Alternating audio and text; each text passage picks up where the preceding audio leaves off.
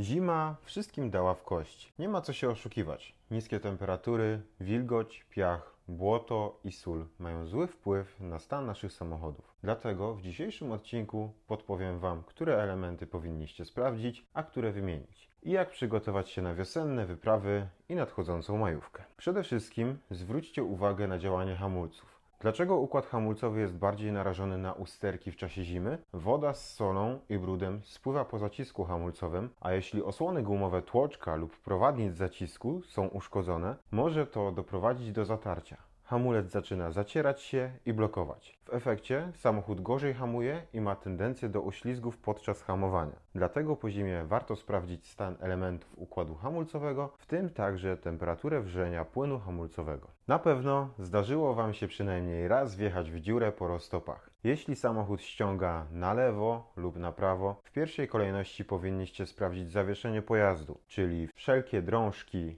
stworznie, tuleje metalowo-gumowe i tak dalej. Wjechanie w dziurę przy większej prędkości może również lekko przestawić nam geometrię bez wybijania żadnego z tych elementów. Bardziej prawdopodobne jednak jest właśnie to, że któryś z elementów zawieszenia ma luz, którego wcześniej nie miał. Dlatego należy najpierw sprawdzić zawieszenie i je naprawić, a potem ustawić geometrię. Chciałbym Was uczulić, że po każdej pracy wykonanej przy zawieszeniu pojazdu powinniśmy także sprawdzić parametry geometrii zawieszenia. Po zimie Warto sprawdzić także płyny. Zwróćcie uwagę na płyn w układzie chłodzenia, płyn hamulcowy, olej silnikowy i sprawdźcie poziom oleju w układzie wspomagania. W razie potrzeby uzupełnijcie je. Pamiętajcie jednak, że powinniście sprawdzać poziom płynów częściej niż raz w roku. Jeśli nie jeździcie na oponach wielosezonowych, to czas je wymienić na letnie. Dlaczego? Jazda na oponach zimowych, kiedy średnia temperatura dzienna wynosi powyżej 7 stopni Celsjusza, przyspiesza ich zużycie, obniża przyczepność, wydłuża drogę hamowania oraz zwiększa spalanie. Jeśli zaś macie opony całoroczne, to upewnijcie się, że wszystkie są poprawnie wyważone,